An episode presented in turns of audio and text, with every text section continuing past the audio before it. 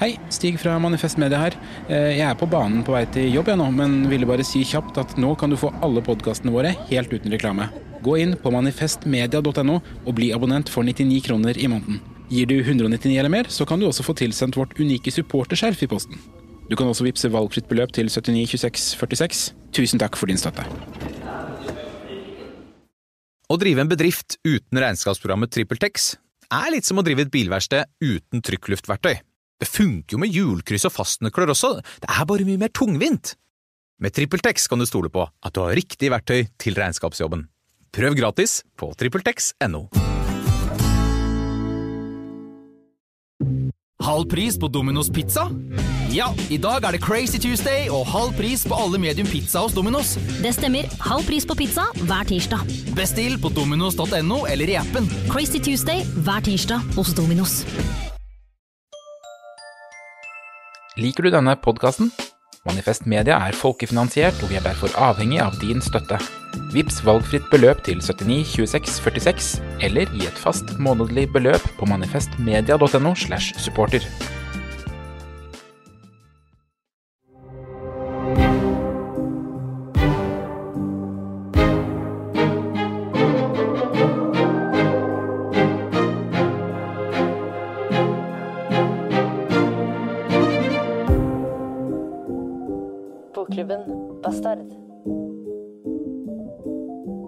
Jeg er jo vokst opp i en familie hvor cola var Jeg ble fortalt at Coca-Cola var imperialismens svarte piss.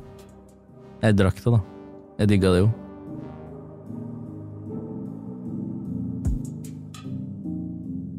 Velkommen til eh, bokklubben Bastard. Mitt navn er Zishan Shakar. Som vanlig så har jeg med meg Maria Navarro Skaranger. Ja. Og Johan Shanmugaratnam. Hei. Går det fint med dere? Fin påske? Veldig fint. Ja. Det er sånn som avhør. Fin påske. Fin påske. Man kan ikke si nei. I Norge, Nei, kan, kan, I ikke- Norge kan du man kan ikke ikke si at man har hatt en kjip påske. Elsker påske. Ja. Når påske er helligere enn jula, har jeg påstått, da. Det har jeg sagt til noen folk nå. Og da blir de litt sånn perpleks. Men for noen mennesker så er det sant. Ja. Det er viktigere enn jula. Fordi Eller- de får gjort det de vil, de kan gå på lange skiturer uten å ha dårlig samvittighet. Og så er den viktigere på sosiale medier, føles det nesten som. Den der påskesola og at du har vært på et eller annet fjell. Og... Jeg har vært på fjellet, ikke stått på ski, ikke stått på slalåm, men det er mye folk på fjellet. Sjukt mye folk på fjellet. Men som vanlig så har vi det faste opplegget vårt at eh, en av oss tar med en bok. Og i dag har det Johan sin tur til Ja. å ta en bok. Mm. Du har tatt med Nei, greit, Det er lenge siden jeg har hatt med bok. Jeg hadde med bok første episoden. Ja. Eh, og så har jeg jo ikke hatt med bok siden. Det er jo dere to andre som har hatt med Podkastens uh, eh, gratis passasjer. Ja, men det er folk som har spurt meg på jobben sånn er, Jeg har hørt på episoden, er konseptet at dere snakker om bøker som du ikke har lest? Var det en som spurte. Så da ble jeg litt sånn ok, nå må jeg jo ha med bok. Uh, og jeg har hatt med en bok som heter Fri, av Lea Ipi. Um, som kom ut i 2021 på engelsk, og som ble oversatt og gitt ut på norsk eh, i januar i år. Som fikk en del oppmerksomhet da, og gode kritikker, og har vunnet priser eh, og sånt. Ehm, men ehm, jeg hadde egentlig lyst til å snakke om den fordi den er litt annerledes fra de bøkene vi har snakka om, både temamessig og ikke minst sjangermessig. hvorfor, eh, tok du den med deg? Nei, fordi dette er jo ikke en roman. Altså, det er jo ikke skjønnlitteratur. Det er jo sakprosa. Ehm, og det er, måte, det er jo dokumentarisk i den forstand at det er en selvbiografisk historie om, eh, om Lea Ipi, som, som er født i Albania og vokste opp der. Eh, jeg kan si litt om henne først. Da. Hun er jo professor, jobber på London School of Economics i, i Storbritannia. Eh, underviser i politisk teori om Marx og Kant og veldig sånne svære, tunge tema. Da. Men denne boka er jo skrevet som en sånn oppvekstskildring, en memoar, eh, om, eh, om hennes da, oppvekst og de dramatiske årene i hjemlandet Albania, eh, da landet gikk fra å være kommunistisk diktatur til å bli et sånn hyperkapitalistisk eh, samfunn. Mm. Så, eh, så jeg syns sjangeren er liksom fascinerende. Eh, det er ikke så mange bøker i akkurat den sjangeren. Jeg kjenner til noen få andre, men derfor så vil jeg ha med den. Den er litt sånn Albanias historie gjennom hennes oppvekst. Ja. Eh, det er litt sånn Forrest Gump, er det det? Det er det, er det første jeg tenker på. Gump. At hun på en måte, Forrest Gump, er med på alle de viktigste historiske Ja, historiske begivenhetene. Ja, På samme måte som eh, Lea Ypi er til stede i de store omveltningene i, og borgerkrigen i Albania. Det er litt stygt sagt, men ofte så Men jeg skjønner hva du mener. Hun er en litterær eh, hun er jo, hun er jo, Det er jo mye bedre enn Forrest Gump, da. Men eh, det, var, det var det første jeg tenkte på. Men dette, Johan, du var litt inne på det, den sjangeren. Ja. Det her er jo en sjanger som vi egentlig ikke har et godt ord for i Norge, føler jeg. For det er jo det som er memoir, er det ikke det egentlig, på engelsk? Jo. Som, som kan jo omfatte veldig mye forskjellig. Mm. Det kan være alt fra mer sånn klassisk selvbiografi til det her som kanskje mer er en sånn litterær memoar. Ja. Literary non-fiction. Ja. Jeg hadde liksom tenkt at det er en slags politisk eh, oppvekstskildring, da. Eh, Ja. Fordi det er så mye om samfunnet rundt og de store politiske begivenhe- begivenhetene sett gjennom eh, denne hovedpersonens øyne. Da. Eh, Boka heter jo Fri, eh, men så er undertittelen Oppvekst ved historiens ende. Som er en referanse til en bok som er skrevet av den amerikanske statsviteren Francis Fukuyama. eh, End of History and The Last Man som kom ut da etter Berlinmurens fall og etter den kalde krigens slutt, og hvor på en måte konklusjonen i boka er at eh, det liberale demokratiet og markedsøkonomien er menneskehetens eh, på en måte sosiale endestasjon, og politiske endestasjon, ikke minst. da. Eh, Så det er jo, hun forfatteren er jo åpenbart ekstremt skolert og en veldig intellektuell person, og refererer jo til Fukuhama da, helt bevisst her. Men samtidig så er jo innholdet i boka helt annerledes. Den er ikke tung i det hele tatt, den er veldig personlig, veldig hverdagslig. Eh, Deler av den er veldig sånn dagbokaktig skildring av eh, det ekstreme sjokket som hun som elleveåring opplever, eh, når da alt det hun trodde på, hele hennes virkelighetsoppfatning av Albania som et sånn sosialistisk paradis, viser seg å ikke stemme når regimet faller og diktatoren, eller hele diktaturet forsvinner etter hvert. Så mm, jeg syns jo på en måte den balansen der er ekstremt interessant, hvordan han beskriver store politiske hendelser på en sånn litterær måte. Ja, det er jo Jeg tenkte jo på Jeg tenkte på to bøker, egentlig, da jeg leste den. Og den ene boka, som det kanskje er norsk Jeg vil ikke si det er en norsk versjon av det, men det er litt i samme sjanger, er jo din egen, da, Johan. Å Eh, som er den Vi puster fortsatt. Mm. Som også er jo en slags Det er jo ikke en biografi, men den har jo klare biografiske elementer, samtidig som den har en sånn politisk analyse, særlig sett opp mot rasisme, kanskje. da. Mm. Som er, det er jo to veldig ulike bøker, men også samme, litt, sånn, litt samme sjangertype. Han svenske rapperen Timbuk 2. Mm. Ja. Han også har skrevet en sånn biografi som også er litt i samme sjangeren. Du har Tanehisi Coates, som har eh, skrevet flere Mm. i den sjangeren. Så det er jo det er jo en høyst levende sjanger der. Vi bare har ikke hatt veldig mange norske eksempler på det, da. kanskje med unntak av deg, eksempel. Jeg tenkte også på Natalia Ginsburg, den italienske forfatteren som skrev en selvbiografisk roman som heter Familieleksikon, Mm. som eh, skiller veldig som hverdags eh, store og små dramaer i, i familielivet Mm. i Italia under fascismens fremvekst. Um, Jeg tenkte på Elena Ferrante, Ja, det tenkte jeg også på. som jeg Ja. ikke er så begeistra for, men det er også barndom, da. Det er barndom. uh, ja. Ja. Og jeg tenkte også på Daniel Mendelssohn, Ja. som er en amerikansk Han skrevet blant annet om hvordan han undersøker sin Men eh, bakgrunn. Som eh, Han er jødisk, og hele hans slekt eh, ble jo drept under andre Mm. verdenskrig. Ja. Eh, Det med Ferrante tenkte jeg også på, fordi mye av boka kretser rundt eh, eh, hun Lea Ipis eh, barndom og forhold til en venninne som heter Elona. Mm. Da tenkte jeg veldig på Ferrante og på forholdet mellom en hovedperson og hun venninna. Mm. Eh, og det er jo gjennom disse bikarakterene, sånn som Elona, at mye av den historien til Mm. Ipi blir fortalt. Mm.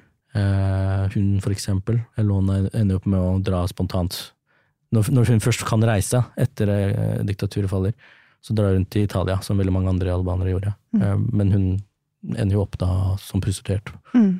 Og da blir det forklart Eller man skjønner at hun er prostituert eh, ved at Ypi hører at hun går opp At Leona, Elona går opp og ned i gata. Eh, og det er på en måte sånn Mm. det forklares. Det er veldig subtilt, da. Eh, og ganske sånn nøkternt. Eh, Ja. Det er mye som er subtilt, eller eh, litt sånn Er det det man kaller undertekst også? Mm. I det? Altså sånn, det er ting som blir hinta, eh, fortalt litt indirekte, eh, gjennom disse bikarakterene og sånne små scener som, som eh, er eh, ganske viktige, da. Eh, kanskje med sånn symboltunge, og kanskje ikke så subtile, er det med colaboksen som, som pryder forsida. Eh, det er en tom colaboks med en rød, rød rose oppi. Mm. Eh, og det er da en pyntegjenstand i, i stua, i familien. Mm. Etter at friheten kommer, så blir symbolet da at de kjøper en tom colaboks. Og det koster penger, eh, og det er status å ha det i stua. Og den blir satt opp på den broderte duken eh, i stua, da. Eh, og det er en ganske sånn smertefull scene hvor jeg tror det er naboparet eh, er på besøk. Og så etter at de har vært på besøk, så, så er plutselig den colaboksen borte. Og da Mm. begynner foreldrene til eh, Lea å mistenke at naboene har stjålet colaboksen. Mm. Og så blir det en sånn feide mellom de to Det er uvenner lenge. Ja, det blir skikkelig, skikkelig trøbbel. Og det er helt forferdelig og, skaper masse drama. Det er så uverdig også, Mm. over en tom colaboks. Mm. Ja, men eh, det er en av mange sånne scener. Den var så fin, den scenen med den colaboksen, fordi cola er jo alltid måte et symbol på liksom jeg vet ikke, marked og kapitalisme og så men for disse folka her så er liksom colaboksen eh, Den bare representerer en verden utenfor som Mm. de ikke har tilgang til. Fordi de har jo ikke cola, de må jo på en måte plukke opp Finne colabokser som turister har kastet fra seg og sånt, men at det på en måte viser at det er noe en verden utenfor Albania som de på en måte kan ta litt på av og til. ja. Det er veldig sterkt. Ja. Jeg har jo vokst opp eh, i, et, i en familie hvor cola var Jeg ble fortalt at Coca-Cola var imperialismens svarte piss. Mm. Jeg drakk det, da. Jeg digga det jo. Men, eh, men det er kanskje noe med det som også gjør at jeg syns den boka var så fin, fordi hun vokste opp i et diktatur eh, som da offisielt var sosialistisk eller kommunistisk. Eller. Eh, og jeg vokste opp i et hjem hvor på en måte marxisme og hele den der dogmatikken var veldig sånn Mm. Ja, jeg har fått det litt inn gjennom særlig faren min, som var veldig radikal. Da. Ehm, så jeg skjønner på en måte noen av referansene på en sånn veldig overfladisk eh, måte. Mm. Men hun vokste opp i det og levde under det. Og selvfølgelig, det er jo noe helt annet, men Men det her er da, ikke sant, det er jo det er en politisk minnebok, på en måte. mm, En biografi, akkurat ordet biografi skal vi en tur innom snart, men akkurat det med politisk minne, tenkte jeg skulle spørre dere om hva deres første politiske minne er. ja, fordi Lea Ypis første minne er at eh, Ho- Hodja, Emmer Hodja, dør, som var Albanias diktator. Mm. Så sitter de og ser på TV, og hun gråter og gråter og gråter, og så gråter ikke familien hennes. Og de bare diskuterer eh, om hvilken musikk det er som spilles eh, på den Jeg vet ikke om det er sånn prosesjonstog eller begravelse eller noe sånt på TV. Så de driver og diskuterer om det er en albansk komponist, som faren mener, og så mener mora at det er, en, at det er Beethoven som spilles. Men de virker på en måte ikke noe påvirket av det. mm, Og det er på en måte hennes første politiske minnet. At hun oppdager at oi, de var ikke så så De var kanskje ikke så tilhengere som hun trodde. Nei. Men Men hva var, hva var ditt første politiske minne? mitt eh, første politiske minne eh, var eh, 11. september. Eh, ikke sant? Eh, da var jeg sånn fem-seks år. Og jeg husker at jeg satt hjemme hos venninna mi, og vi drev og lekte. Og så skrudde de på TV-en. Eh, og så var det de to tårnene som det drev og røk fra, og jeg og venninna mi skjønte ingenting. Mm. Eh, men, men, men det som er rart med det, er jo at jeg er jo bare vokst opp i en verden etter på en måte mm. 11. september 2001, så jeg har jo ikke noe jeg, jeg, jeg var jo kjempeliten før 2001, så jeg vet jo på en måte ikke hva det er, da. Men, eh, men. Mm. Mm. Hva med deg, Johan? Jeg, jeg trodde først at det var Gulfkrigen. Altså CNN-bildene? Saddam Hussein, i diktatoren i Irak, invaderte nabolandet Kuwait Mm. i 1990. Og så leda USA en koalisjon som bomba Irak da, eh, i 1991. Og da husker vi liksom bildene liksom CNN-bilder med amerikanske fly og ørken og oljebrønner som brant. og ja, Det var veldig dramatisk. Men jeg har skjønt at det var egentlig noe som skjedde før det, og noe som faktisk er mer egentlig relevant i forbindelse med Lea Ipi og Albania og, og murens fall. fordi i desember 1989, den jula der sånn, så bestemte foreldrene mine at vi skulle på ferie eh, til Berlin. Um, det var nok fordi faren min hadde blitt invitert til en konferanse der, men så bodde onkelen min uh, også i Tyskland. Han var flyktning fra Sri Lanka og endte opp i Tyskland, da, så vi skulle besøke han også. Um, det her var jo da mens Berlinmuren falt. Hvor gammel var du da? Da var jeg ti. Ja. Nesten elleve. Og da vi- Så vi havna midt i det i det derre sinnssyke historiske øyeblikket. Mm. Um, Jo, men sånn altså bokstavelig at uh... ja, vi var i Berlin. Uh, la meg fortelle, da. Forest Gump. Jeg, jeg var Forrest Gump, skjønner du? Faren min skulle på en tamilsk konferanse i, i Vest-Berlin, ikke sant? for da var det delt. Berlinmuren delte øst og vest. mm. Og av alle ting så skulle fattern snakke om temaet sosialismens framtid. Mens Berlinmuren falt, mens Sovjetunionen var i oppløsning. Eh, og det, han har snakka med han før i dag. Han har sendt meg bilder og sånn. Det er bilder av meg foran Berlinmuren. og, uh, og sånt. Og han sa at uh, han husker det veldig godt, fordi han holdt det foredraget, og at det var sånn, noen hadde hengt opp en plakat av Lenin i det rommet. Vi er fortsatt i Vest-Berlin, Mm. ikke øst. Eh, også med liksom da, eh, skriften 'Hva må gjøres', som er navnet på Lenins kjente tekst. da, ikke sant? Og der diskuterte de den russiske revolusjonen. Eh, og faren min la ut om oktoberrevolusjonen, og så var det en gammel trotskist som tok ordet og kritiserte faren min for at han hadde underspilt Trotskijs rolle under revolusjonen. Og alt dette skjedde da mens den store historiske ja, øh, omveltningen skjedde rundt dem. da. Mm. Og det var ikke sånn at de, de visste jo veldig godt at det skjedde, og det var på en måte en, en ramme rundt det, men, men det var veldig sånn, litt sånn komisk. Um, og så dro vi til Øst-Berlin, og var der. Eh, og så tror jeg det var den dagen Brandenburger Tor, altså den svære Mm. altså, Den åpna, da. Så folk i øst kunne liksom mer eller mindre bare løpe over til vest akkurat der. Eh, og da var vi blant de øst-berlinerne eh, som skulle over. Fulgte etter dem, altså fulgt på T-banen og gikk opp og var inne i folkemengden. Og, og, og løp, og vi tok bilder. Så vi har bilder av liksom masse Berlin, berlinere som løper, og Brandenburger Tor i bakgrunnen. Det er veldig, Yes. det er veldig Forest Gump. Eh, eh, og så fulgte vi dem helt til muren. Eh, Men det som skjedde da, var at uh, vi skulle tilbake, og fatter'n var sånn Yes, da har vi gjort det. Da går vi tilbake til Øst-Berlin og går på kafé. Ja. Så da gjorde vi det. Ja. Det var jo det var sånn ordentlig ordentlig politisk Ja, ja, ja. minne. Jeg, hadde, jeg har egentlig to. Det første var at uh, den barneskolen jeg gikk på i første klasse, ble lagt ned. Da var, var Rune Gerhardsen var eh, byrådsleder, da, tror jeg, i Oslo, som la ned den. Så var det en som het eh, Rune, som er en kompis av meg nå. Da Da gikk alle rundt og kalte han Rune Pune Oslo kommune. du som legger ned skolen vår. Det var i første klasse, det husker jeg godt. Men nesten omtrent samtidig med det, det, kan det var kanskje året etterpå, det står mye tidligere for meg, så hadde jeg en fadder som han får i første klasse. Mm. Han bodde i naboblokka mi, han het Bupinder.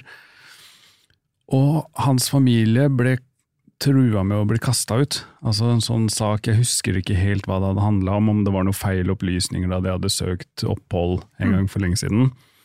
Og da ble det en sånn stor kampanje, litt sånn som du har sett med Mustafa-saken og, og sånn som kommer med jevne mellomrom. Mm. Og det husker jeg veldig godt, for var det plakater på hele Stovner med liksom 'La familien Jassal', tror jeg han het. 'La familien Jassal bli'. Mm. Og det endte med at uh, Det endte med at foreldra ble kasta ut, men ikke de to sønnene. Ja. Og det var jo fadderen min, så det var jo liksom kaster liksom bokstavelig talt Ja. fadderen min ut av landet. her, Liksom. Han var sterk og kul fyr. da. Ja. Det husker jeg godt. Så det er liksom mine, mine to. Rune Gerhardsen og Bupinder. Mm. De var litt med på sånn uh, De var Dere var, litt dere var litt sånn storpolitikk, mens jeg Ja. prøver å holde det, holde det litt sånn nedpå. Men det er jo sånn hun forteller uh, historien, Alia Ipi, i, i boka. At det er, alt er veldig nedpå. Det er sånn nabolagsting og Mm. sånne ting som du snakker om, eh, Sishan, egentlig. Um, og mye fortelles gjennom karakterene som er liksom eh, En ting er venninna Elona som vi nevnte i stad, men det er faren, for eksempel, som er en sånn det, det, det virker som hun har vokst opp i et ganske trygt hjem. Altså Mm. Så lenge illusjonen var opprettholdt, så var det et trygt hjem. Mm. Eh, og faren virker som en ganske sånn sympatisk fyr, og som slår sånne anti-imperialistiske dad jokes innimellom. Og jeg ser det for meg, liksom. Eh, men så skjer det masse ting med han. Han blir jo arbeidsledig, og det er jo masse problemer i landet. Eh, og så kommer han seg opp på et eller annet vis, og ender opp med å bli sånn havnedirektør. Han får en sånn sjefsposisjon. For den eneste løsningen etter diktaturets fall er å bli businessmann. Ja, det er, er ja, ikke sant? Ja. Um, og, og han får en viktig rolle der, og noe av det første han må gjøre, er jo å si opp masse folk. Mm. Fordi havna, eller områdene skal privatiseres. Um, og han har masse kvaler rundt det, da. Så alt det der beskrives jo gjennom eh, folk som er i, nær uh, Lea. Um, og så er jo kanskje det mest dramatiske som skjer, er vel at på et tidspunkt så går jo den turbokapitalismen over i en sånn pyramidespilløkonomi Mm. som uh, til slutt kollapser. Eh, og folk mister alle sparepengene sine, og ja, det blir eh, så urolig og kaotisk at alt sklir ut i en borgerkrig i 1997, som hun også beskriver i boka, gjennom en sånn eh, ja, Hun refererte i dagboka som hun skrev på den tida, da. Mm. Og det syns jeg var veldig sånn en, For det første en vekker, fordi jeg hadde glemt det. Altså, Jeg burde jo på en måte ha huska det, men, men det hadde jeg glemt. Eh, og så hadde jeg liksom, ja, så skjønner man hvor, hvor direkte og nært det er når man får det i en sånn dagbokform. Kan ikke du lese noe, da, fra den dagboka? Jo, altså fordi det starter jo da, liksom 1997, starter liksom i januar med sånn helt trivielle ting. Det er sånn, hun har den prøven på skolen, hun må lese til det. Hun er forelska i en som hun beskriver som K, eh, som overser henne. Veldig sånn tenåringsjente-ting, hverdagslige ting. Og så går det liksom gradvis over i kaos, da. Eh, Beskriver nyhetssendinger, det er uro der, opptøyer der, det er streik der. Og så på et eller annet tidspunkt så kommer jo denne krigen til nabolaget hennes. Um, og der så er det i en av de uh, sidene fra dagboka, da, så har hun skrevet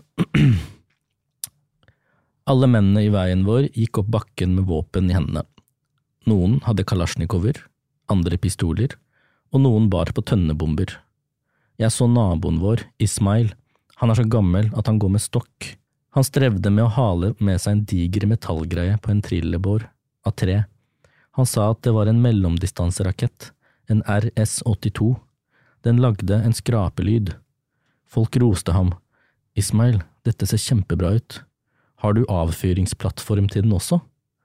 Han sa han ikke hadde det, men at noen andre kanskje kunne finne en. Man vet aldri når man får bruk for en rakett, sa han. Og, og sånn er jo på en måte tonen i boka. Så selv sånne dramatiske ting som det blir beskrevet ganske sånn nøkternt og hverdagslig. Eh, det er noe av det jeg liker med boka, tror jeg. At eh, hun, hun har liksom Det er sånn barnlig naivitet i den tidlige skildringa. Hun har beholdt det. Samtidig som hun har en sånn, litt sånn tenåringskynisme rundt eh, det å beskrive veldig sånn eh, alvorlige ting. Men det sklir også over i en sånn veldig uromantisk skildring av både det samfunnet hun kom fra, og det samfunnet hun eh, så komme, da. Det nye eh, kapitalistiske samfunnet. Hun har et sånn ekstremt ja, eh, brutalt forhold til begge deler.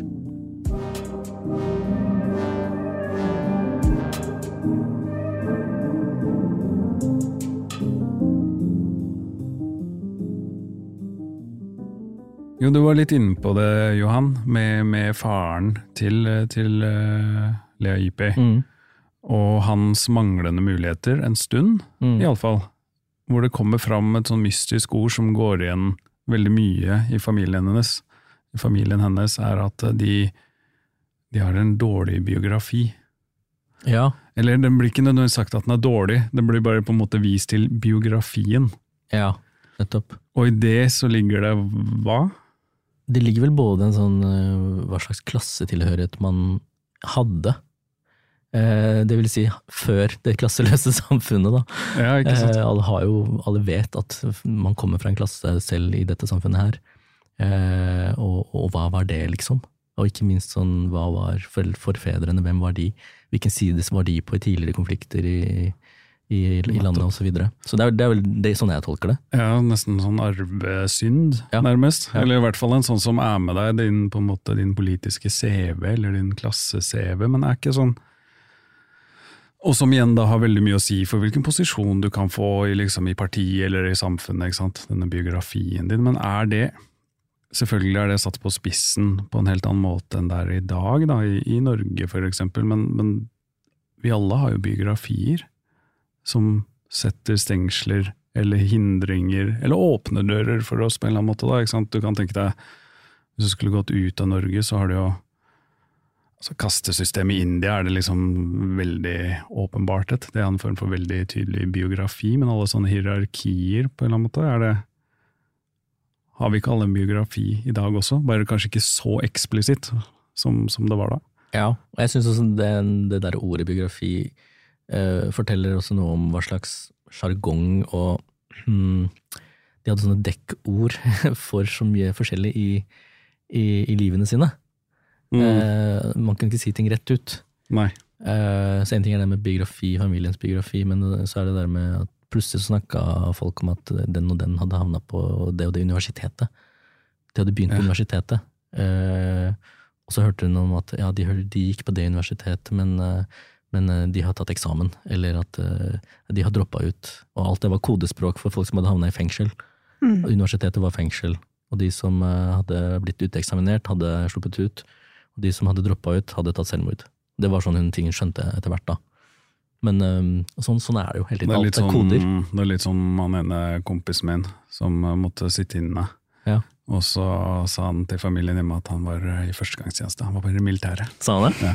Så når han fikk perm fra fengsel, Mm. så klarte han å få tak i en militæruniform Nei. som han tok på seg. Som var litt for kort, da, så den gikk litt høyt opp på legga hans. Og sånn. Og så dro han hjem til familien. Og som perm fra militæret, liksom. Seriøst? Ja, ja. De trodde på det? Ja, ja. De gjorde det. Uh, De har ikke noe plikt til å opplyse, vet du. Nei, de har ikke. Nei, nettopp. Nei da, men eh, det, poenget var vel mer at eh, det er klart en sånn type biografi i et sånn samfunn som Albania var da, Mm. setter jo noen klare stengsler, men man kan jo, man kan jo liksom dra paralleller til til klassebakgrunn, eksempel i Norge, da, ikke sant? Du ser jo, eller, eller navn, for så vidt. Ikke sant? Du kan ta det, når du søker på en jobb, det her er jo, det har du gjort forskning på. Ikke sant? Så kan du bytte navn, og så har de sett at du har så og så mye mindre sjanse for å bli innkalt til et jobbintervju da, hvis du har et etternavn som Mm. er muslimsk, da, for eksempel. Mm. Så det er jo ikke, måte, det er ikke et ukjent fenomen for oss, det her. Det er Mm. ukjent at det på en måte eh, er såpass omfattende som det var der. Men det er jo ikke som om vi liksom beveger oss i en verden hvor det ikke fins, vi heller. Nei, det er jo fortsatt på en måte klassebakgrunnen din og posisjonen din som bestemmer eh, hvilke muligheter du har. Uh, ja, det er jo det. i dag òg. det som er litt gøy med Lea Ypi, er at hun har en ganske sånn eh, Farmoren hennes sin slekt, ja, det er farmoren, er jo landeiere. Mm. Tidligere landeiere eh, fra Hellas. Eh, og og eh, best, hva, hva blir det? Bestfarfaren sin slekt, eller bestefaren sin slekt, eller et eller annet sånt, er jo eh, Viser seg jo da å være en sånn landsforræderslekt, hvor det var hennes oldefar som, eh, som begikk landsforræderi. Kanskje vi ikke skal røpe hva han gjorde. Men eh, Så hun har alltid skamma seg mye over det navnet Ypi, da. Fordi det er på en måte litt det samme som å hete Quisling.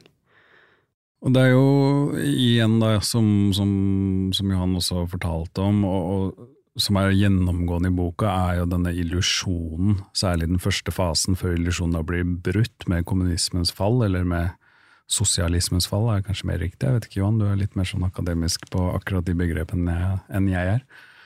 Men de, de illusjonene er jo liksom gjennomgående, ikke sant. Det er en hverdag trygg hverdag, som du sa, på mange måter, men også veldig sånn prega av at det er veldig mye, det er veldig mye løgn.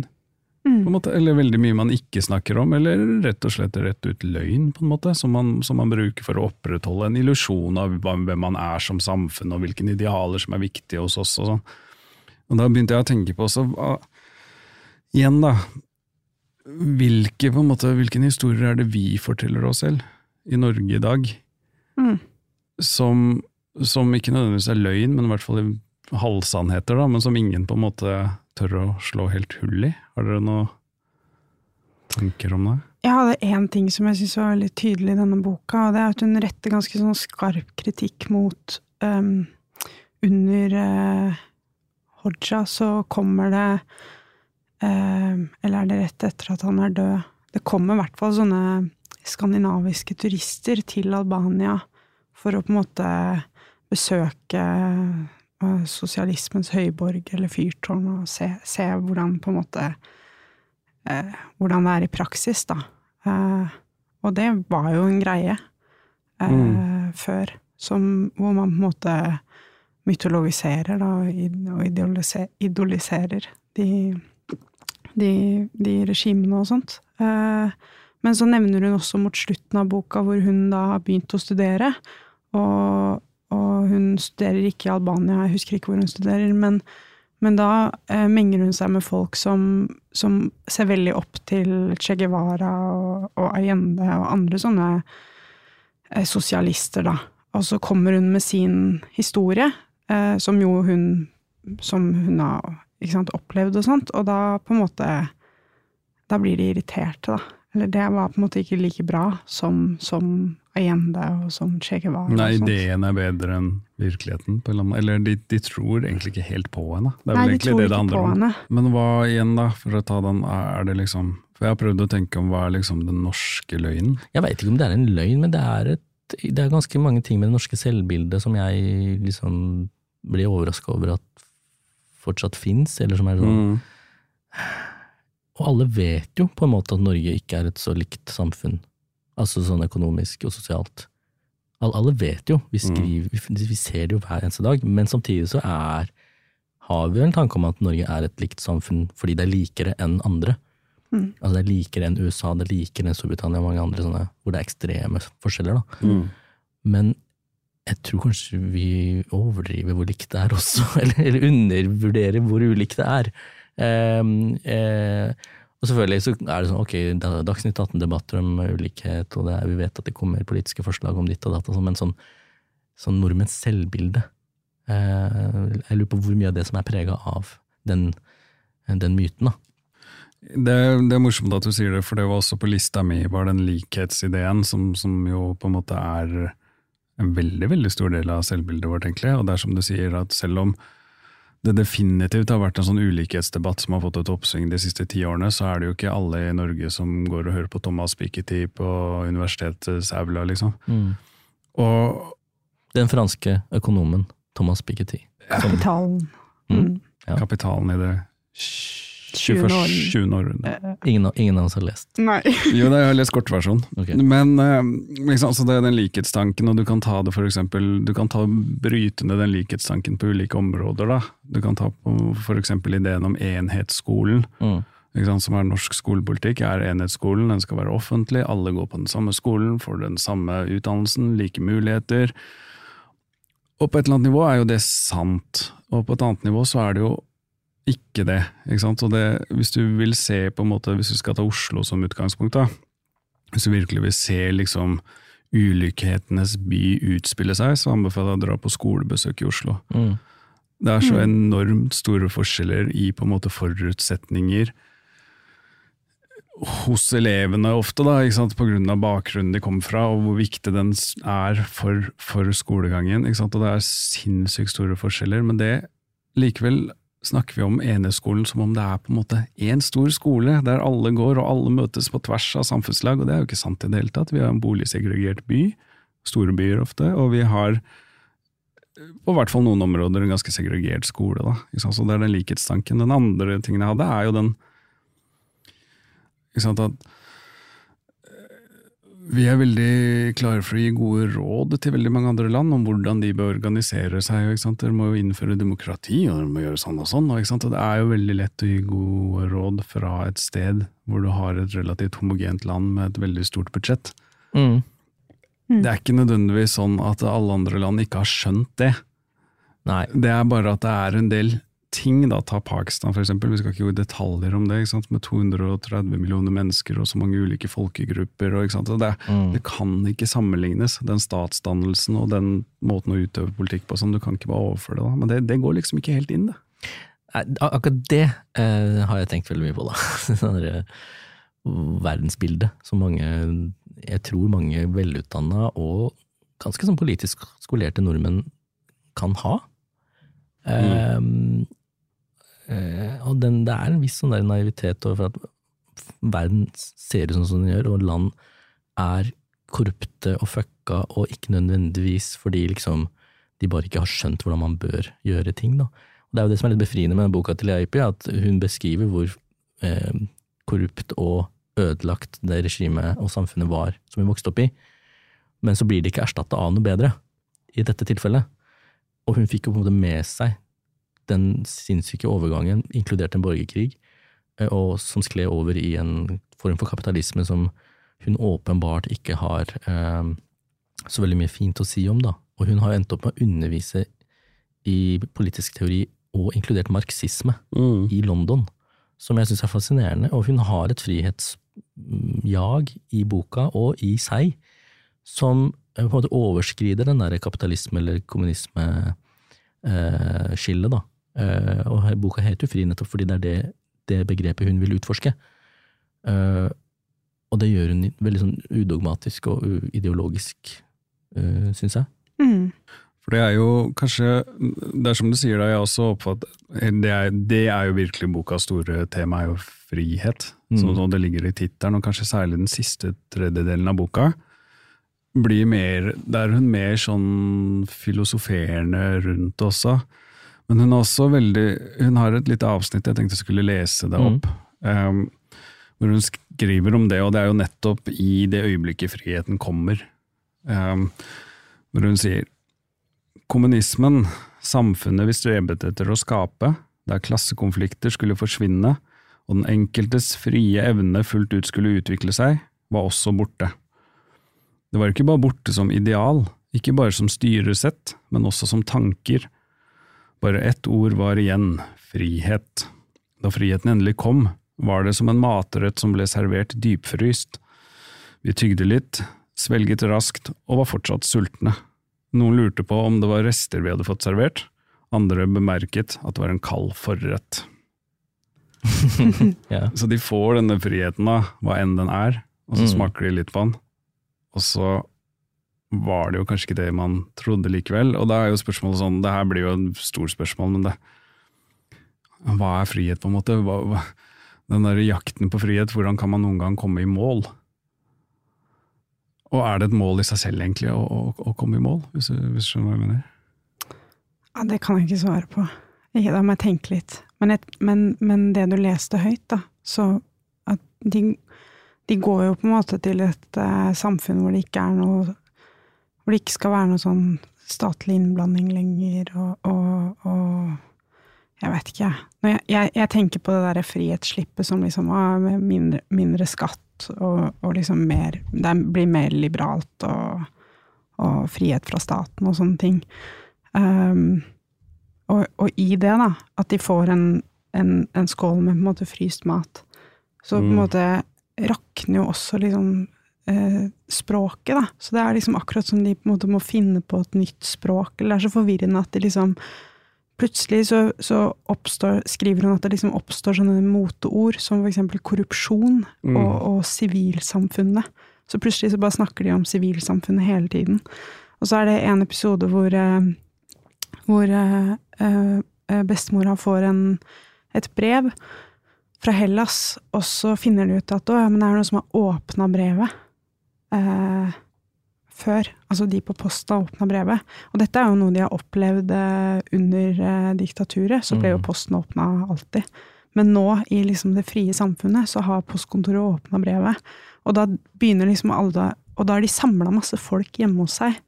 Men likevel så begynner de å snakke om sånn, ja, men vi har rett på privatliv. Mm. Og, og de har krenket vårt liksom, privatliv, så videre, og så. Og så er det akkurat som de bare har liksom henta det De bare har lært seg et nytt ord, som de driver og sier høyt.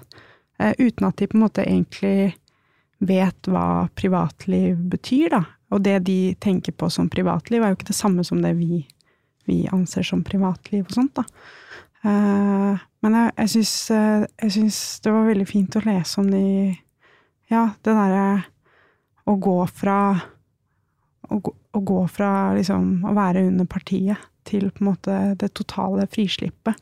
Men, men i det der så har jo heller ikke Albania noe å på en måte Det finnes jo ingen, ingenting i Albania som kan gjøre at de på en måte kan eh, leve livene sine sånn som de egentlig vil, da. Så det finnes jo ingenting som tilrettelegger for dem, sånn statlig, sånn som det finnes i Norge. At det er ikke noe, er ikke noe velferdsstat, liksom. Men eh, fordi Albania var jo veldig, veldig Det var lutfattig. De hadde ikke trafikklys engang. Altså eh, Og det syns jeg var liksom veldig tydelig, at, eh, at de de bare, Hva er det de går til, liksom? De går til på en måte Det bare blir alle disse pyramide, pyramidegreiene. Det var veldig sterkt. En annen ting er jo det med frihet. frihet, er jo at eh, eh, vi i Vesten, nei, ikke bare i Vesten, i hele verden, men særlig vi i Vesten, har jo for første gang eh, Vi har for første gang eh, opplevd eh, hvordan det er å være i en slags sånn ufrihet i pandemien, hvor faktisk eh, eh, hva vi Mm. kunne gjøre, ble på en måte skreng, innskrenka, da. Eh, det er jo ganske interessant å tenke på. Det derre at overgangen fra ufrihet til frihet, da, eh, ikke var en sånn rettlinja reise. Ja. Det er egentlig det som jeg synes, Det jeg sitter igjen med etter å ha lest boka. Um, og så kommer det sånne små drypp hele tiden av måte, den diskusjonen som vi har nå, om hva egentlig frihet betyr, Mm. gjennom uh, de ulike kapitlene. Og en, en av de bikarakterene som jeg syns var kanskje en av de mest fascinerende, er eh, en litt sånn mystisk fyr som heter Vincent, som er nederlender, som dukker opp. Eh, han jobber for Verdensbanken, og han skal da hjelpe Albania med, eh, med å ja, komme over til da, kapitalismen og hjelpe faren blant annet med privatiseringsprosessen på havna og sånn. Han eh, blir bare kalt krokodillen, fordi han alltid går med sånn eh, Lacoste-skjorte. Forskjellig farge hver dag, men alltid den samme krokodillen. Så de kaller han bare krokodillen, eller den stakkars mannen. Fordi Ja. de syns litt synd på ham, for han, han er litt sånn Han har vært i land etter land etter land og hjulpet i anførselstegn av disse samfunnene. Eh, og når folk spør sånn ja, hvor var du, hvor er du, hvilket land har du vært i, så sier han bare sånn ja, vet du hva, det er så mange land, jeg husker ikke lenger, og jeg er en verdensborger, og, og så er han liksom en sånn litt ensom verdensborger, og det syns de på en måte er veldig sånn stakkarslig, da, disse albanerne. Det syns jeg var veldig fint. Uh, og så er det en velkomstfest for han. Eh, og da, da dekker de på med masse mat, og det er DJ, og det er musikk, og liksom kjempestemning. De pusher i han mat og drikke raki, og, og liksom skal feire han. Og så skal det bli en hyggelig kveld, men så merker eh, Lea da at eh, han har det ikke helt bra, denne Vincent, krokodillen. Så hun ser at liksom, han får i seg for mye mat, han blir uvel. Og så skal folk tvinge han ut til å danse, da. Så det er to karer som liksom omtrent løfter han eh, opp av stolen da, og viser hvordan han skal bevege armene for å danse med de og sånn. Og da klikker han. Mm. Han slår neven i bordet. Eh, så liksom et rakeglass faller i, i, i bakken. Og så, og så roper han Hør her, jeg er fri! Fatter dere det? Jeg er fri! Altså, han skulle ikke liksom bli tvunget av noen andre mennesker, selv ikke disse menneskene han skulle hjelpe da, fordi han var fri.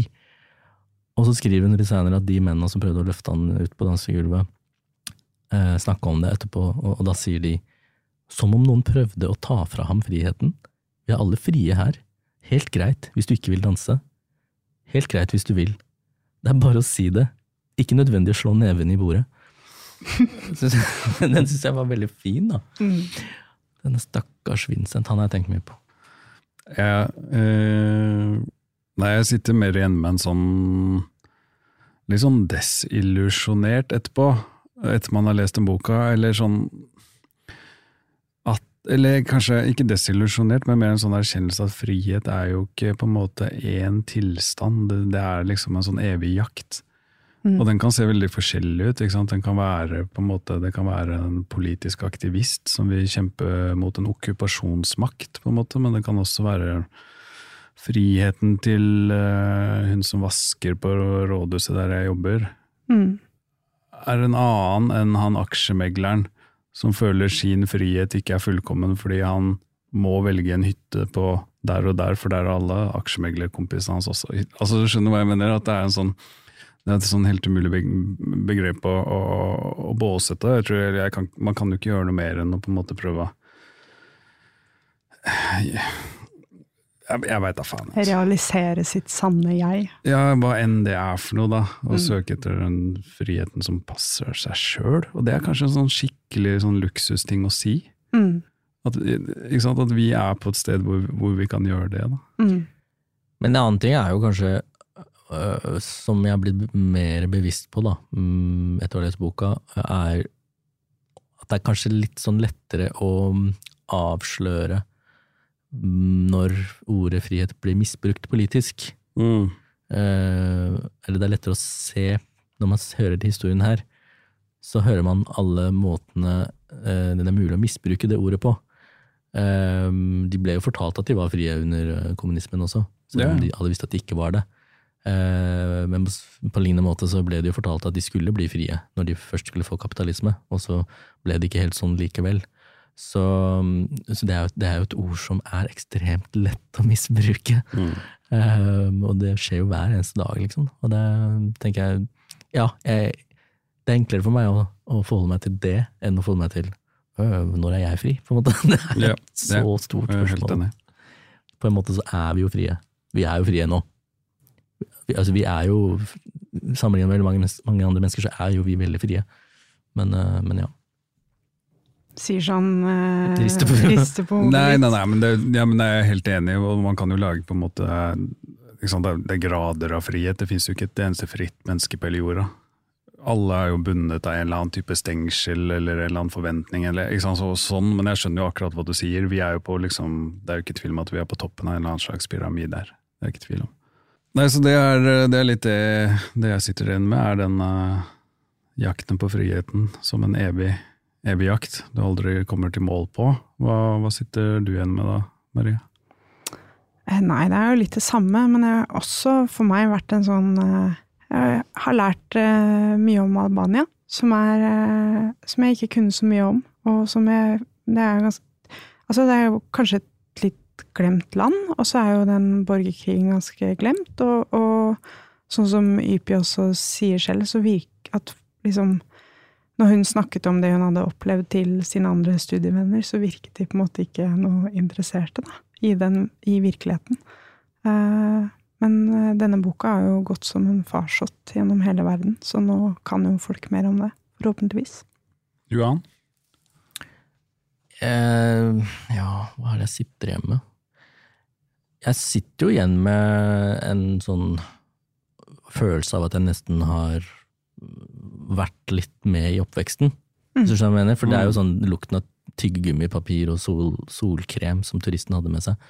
Det er jo sånn veldig detaljnivå på beskrivelsene som hjelper deg som leser da, eh, til å på en måte føle at du har vært med på hennes eh, reise og oppvekst. Mm. Så det, mm, det er på en måte Det får man jo litt gratis da, ved å lese en sånn type bok. Og vite at det er, det er, ikke, det er ikke en roman, det er en selvbiografisk eh, skildring. Um, og så synes jeg at det at den er skrevet av en person som har den akademiske bakgrunnen og tyngden som hun forfatteren har, gir boka også noe mer uh, enn at det, det er en persons uh, beskrivelse av et liv uh, og familien rundt. Den har en sånn derre ramme rundt det Mm. som, som jeg syns er spennende. da. Det at hun hele tida utforsker og er kritisk, eh, og er fortsatt er kritisk, Mm. og kan da, som vi har snakka om, da være kritisk til det regimet og samfunnet hun vokste opp i, men også til eh, vestlige eh, venstrevridde studenters eh, romantiske forhold til marxistisk teori, Mm. og kanskje ikke så helhjerta forhold til hvordan virkeligheten var i et land som eksempel Albania. Mm. Um, så, så hun ser ting liksom hun kan se ganske mye ting fra, fra flere sider. Og det, det kjenner jeg meg litt igjen i, tror jeg. At jeg, jeg liker den der, jeg liker det mellom, den mellomposisjonen, da, og, og den utsikten det faktisk gir. Mm. I de to siste kapitlene i den her, hvor hun også blir mer filosofisk, så blir man jo også veldig sånn utfordra og skjerpa som leser. Når du Mm. går fra en barndomspolitisk barndomsskildring, og så går du på en måte inn i Ok, men hva betyr egentlig dette her? Det var fint. Jeg er veldig enig, og jeg også likte denne boka veldig godt, og liker den formen og fasongen. Og det er vel en sånn, et ønske helt på slutten her, da, i hvert fall fra min side, at vi får noen, får noen flere sånne norske bøker Mm. i den, i den sjangeren her. Men eh, hva slags bok skal vi snakke om neste uke? Veit ikke, jeg føler på en måte det er din tur, jeg. Ja, det er kanskje det. Prøvde å snike meg litt unna. Men det som er at vi skulle ha en, starte opp en sånn liten bokklubb på jobb. Og så skulle vi lese da den Prince Harry-boka. Spare. Ja. Spare. ja. Og så har den bokklubben kollapsa. Så at nå har jeg lest hele Spare. Og nå trenger jeg å snakke med noen om Spare. Ja, for faen. Vi leser den, da. Det er dritlættis. Jeg er jo monarkist på veldig overfladisk nivå, da. Ja, men da tar vi Da tar vi Spare neste uke, da. Prins Harry. Prince Harry. Spare. Ses da.